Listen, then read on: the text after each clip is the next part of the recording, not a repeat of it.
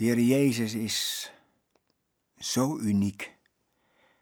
Te meer je je verdiept in Hem, te meer raak je onder de indruk. Paulus had dat ook.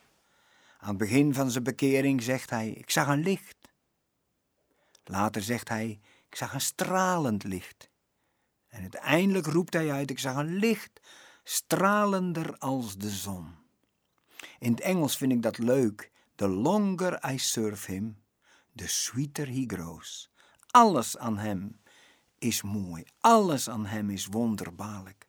Zijn conceptie, zijn geboorte, zijn leven, zijn sterven, zijn begrafenis en nu dan ook zijn opstanding.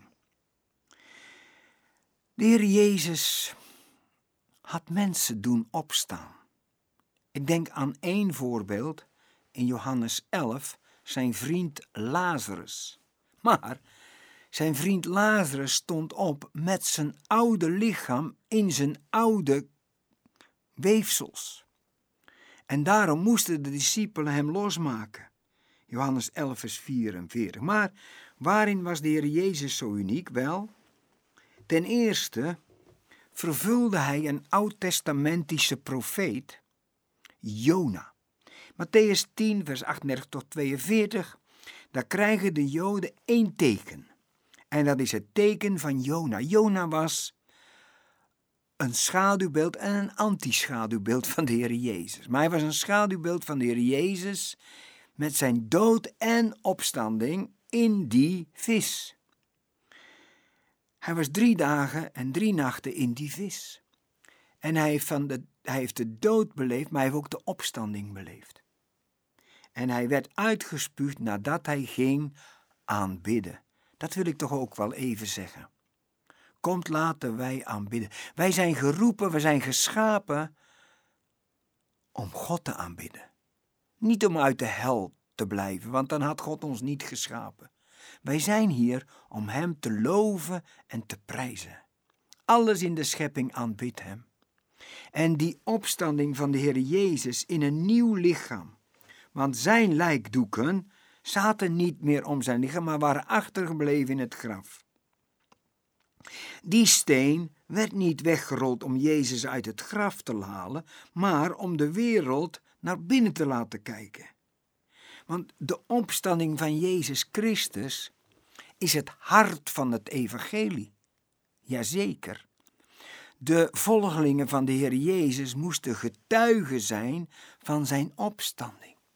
Wij zijn verzoend met God door zijn dood, maar wij zijn gered door zijn leven.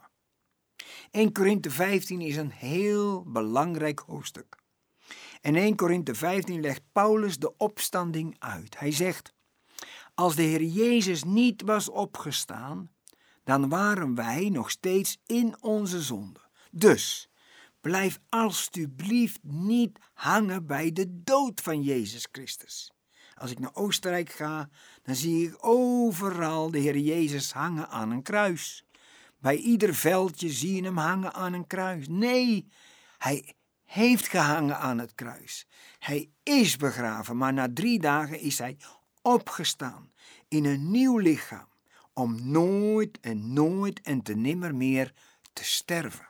Wat is de vrucht van zijn opstanding? Wel, Daarmee bewijst hij dat de laatste vijand, de dood, is overwonnen.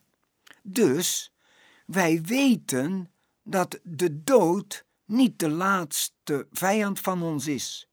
Wij weten, indien wij sterven, wij een doorgang hebben naar de eeuwigheid.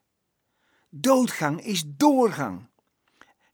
afwezig van het lichaam, aanwezig bij de Heer. Hij is een woning aan het voorbereiden voor ons. En als die woning klaar is, mogen ook wij naar huis. Dat is een vrucht van de opstanding. Hij heeft de laatste vijand overwonnen. Maar er is nog meer. Als gevolg van zijn opstanding in een nieuw lichaam, met de tekenen van zijn oude lichaam, geeft hij ons ook een nieuwe positie. De eerste persoon waar de Heer Jezus zich aan openbaarde, was niet een van zijn discipelen, maar was Maria Magdalena. Oh, die Maria Magdalena had vergeving ontvangen. Zij had bevrijding ervaren, want zij was totaal bezeten geweest door demonen. Weet je, als je veel vergeven bent en je bent echt waarlijk bevrijd van binnenuit en alleen de Heer Jezus kan dat doen, dan word je dankbaar. En Maria wilde zijn waar Jezus was. Dus de laatste plaats waar hij was, was in dat graf. En zij is daar niet weg te slaan. Zij blijft daar in de buurt. En de Heer Jezus reageert altijd op het hart. En hij openbaart zich aan deze Maria. En dan zegt hij iets heel belangrijks, wat ik jarenlang niet begrepen heb. Maar voor het kruis was de Heer Jezus de enig geboren zoon. Maar na het kruis is hij de eerstgeboren zoon. Daarom zegt hij ook: ga naar mijn broers en jouw broers. Want ik ga naar mijn vader en jouw vader. De relatie is veranderd na de opstanding. Voor ons als gelovigen. Voor het kruis de enig geboren zoon, na het kruis de eerstgeboren zoon. Paulus legt dat zo mooi uit dat wij één geest zijn met hem. Wij zitten nu in de eerste zoon. De eerste zoon en de kleinere zonen en dochters horen in hetzelfde gezin. Nou, Romeinen 2 vers 11 vertelt ons, er is bij God geen aanzien des persoons. Dus de wijze waarop de vader zijn eerstgeborene lief heeft, op diezelfde wijze heeft hij ook zijn jongere broertjes en zusjes lief. En de Heer Jezus heeft dat ook gezegd bij het hoge priesterlijk gebed in Johannes 17, vers 23b, dat wij mogen weten dat de Vader in de hemel net zoveel liefde heeft voor ons als voor zijn enige geboren zoon. Want hij is nu niet langer de enige geboren zoon, maar de eerstgeboren zoon. En dat is belangrijk. Paulus legt dat ook uit in 1 Korinthe 15, vers 20. Ik zal dat voorlezen. Dat is zo belangrijk als je dat gaat zien. Dat je in dezelfde familie bent, dat je in dezelfde relatie bent gekomen, dat je dezelfde voorrechten hebt. Luister goed, 1 Korinthe 15, vers 20. Maar nu Christus is opgewekt uit de doden en is de eersteling geworden van hen die ontslapen zijn. Want omdat de dood er is door één mens, is ook de opstanding van de doden er door één mens. Want zoals allen in Adam sterven, zo zullen ook in Christus allen levend gemaakt worden. Ieder echter in zijn orde, Christus als eersteling, daarna wie van Christus zijn bij zijn komst. Bij de eerste Adam zijn wij zondig geworden. Daar kunnen wij niets aan doen. En daarom moeten we die tweede adem hebben, want die geeft ons leven, die bevrijdt ons van zonde en maakt ons één met Hem. Onze relatie is precies dezelfde relatie die de Heer Jezus had als enige geboren zoon toen hij hier wandelde op aarde. Daarom besluit ik met Romeinen 8, vers 29. Want hen die hij van tevoren gekend heeft, heeft hij er ook van tevoren toe bestemd om aan het beeld van zijn zoon gelijkvormig te zijn, omdat hij de eerstgeborene zou zijn onder vele broeders. En hij schaamt zich voor ons niet. De manier waarop Jezus op aarde kwam is uniek. De manier waarop Jezus deze aarde verliet is ook uniek. Jezus verliet de aarde pas maanden na zijn dood. Dat is ook uniek. Hij nam zijn lichaam mee. Dat doet ook niemand. Ook verliet hij de wereld terwijl hij levend was. Niemand heeft deze wereld op zo'n manier verlaten. We noemen het zijn hemelvaart. Zijn hemelvaart is niet zo populair als zijn geboorte. Van nature vinden we het altijd leuker als mensen komen dan dat ze gaan. Ach, niet altijd natuurlijk, maar je hebt meer verwachting als iemand komt dan als iemand weggaat. Maar die hemelvaart is zo belangrijk. De Heer Jezus is opgestaan. De Heer Jezus is verschenen aan alleen maar zijn vrienden, niet aan zijn vijanden. Nee, hij heeft zich niet bewezen dat hij de opgestaande Heer is, want zij kunnen door het geloof komen door Mozes en de profeten. Hij heeft zich alleen maar geopenbaard aan zijn vrienden. En dat vind ik wel mooi, want als hij zich dan openbaart, dan komt er een verandering in harten. De discipelen die wandelden naar Emmaus waren depressief. De Heer Jezus wandelt met hen, opent de schrift en wat roepen ze uit? Onze harten waren brandende. In het begin van Lucas zien we een dode religie met een ongelovige hogepriester. Aan het einde van Lucas, als de Heer Jezus terug gaat naar de Vader, dan is er grote vreugde. Je kunt dat lezen, Lucas 24, vers 52.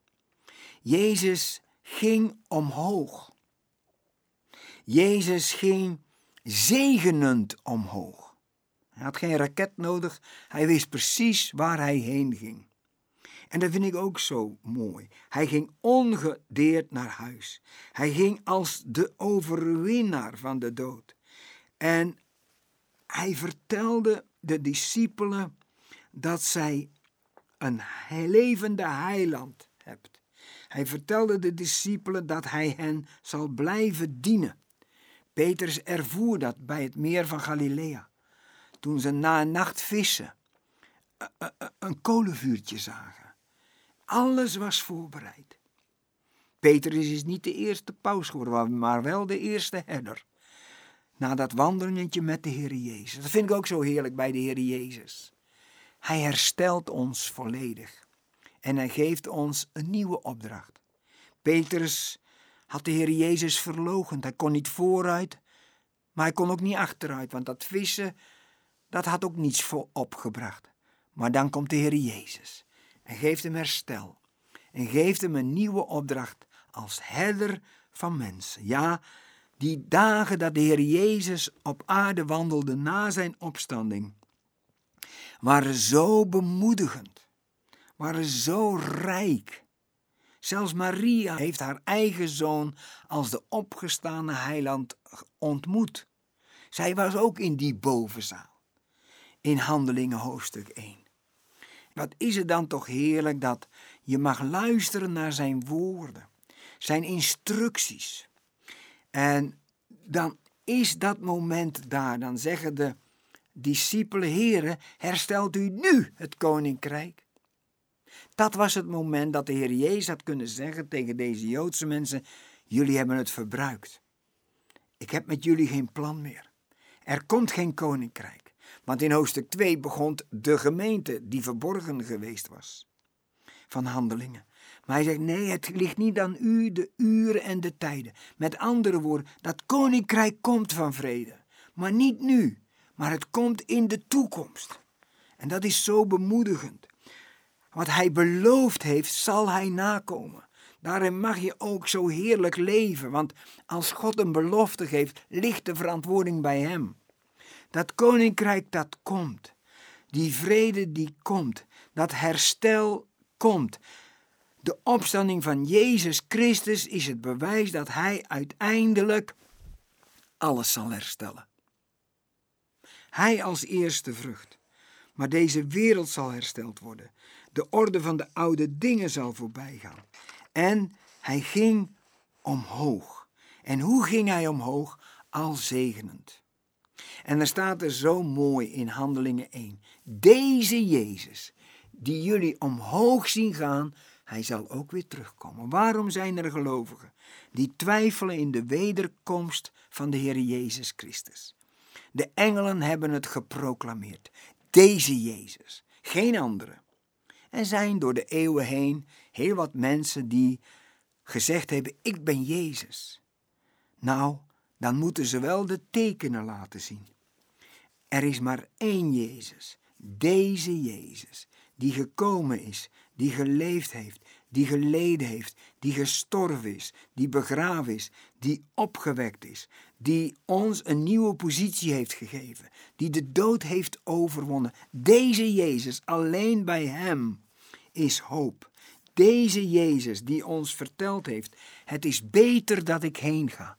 Want anders kan ik de parakleed, de trooster, niet zenden. Er zijn twee troosters: de Zoon van God en de Geest van God.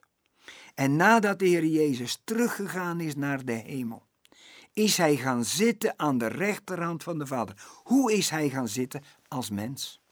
En dat is zo heerlijk. Er is één God, één middelaar, de mens Jezus Christus. Toen de Heer Jezus terugging naar de hemel, is ook de hemel veranderd. Want hij is teruggegaan als mens. Daarom hebben wij wat aan hem. Want hij pleit voor ons, hij bidt voor ons, hij voelt met ons mee. Vanuit de hemel is hij ook vandaag aan het werk voor ons. Zoals hij zich openbaarde aan zijn vrienden en aan zijn vriendinnen, aan zijn kinderen, zo openbaart hij zich nu ook aan ons. En wij mogen leven dat hij daar hoog zit in de hemel, bij zijn thuis, naast zijn vader, als heerser van alle dingen. En dat is zo heerlijk, dat hij heen gegaan is, maar hij heeft de Heilige Geest gezonden.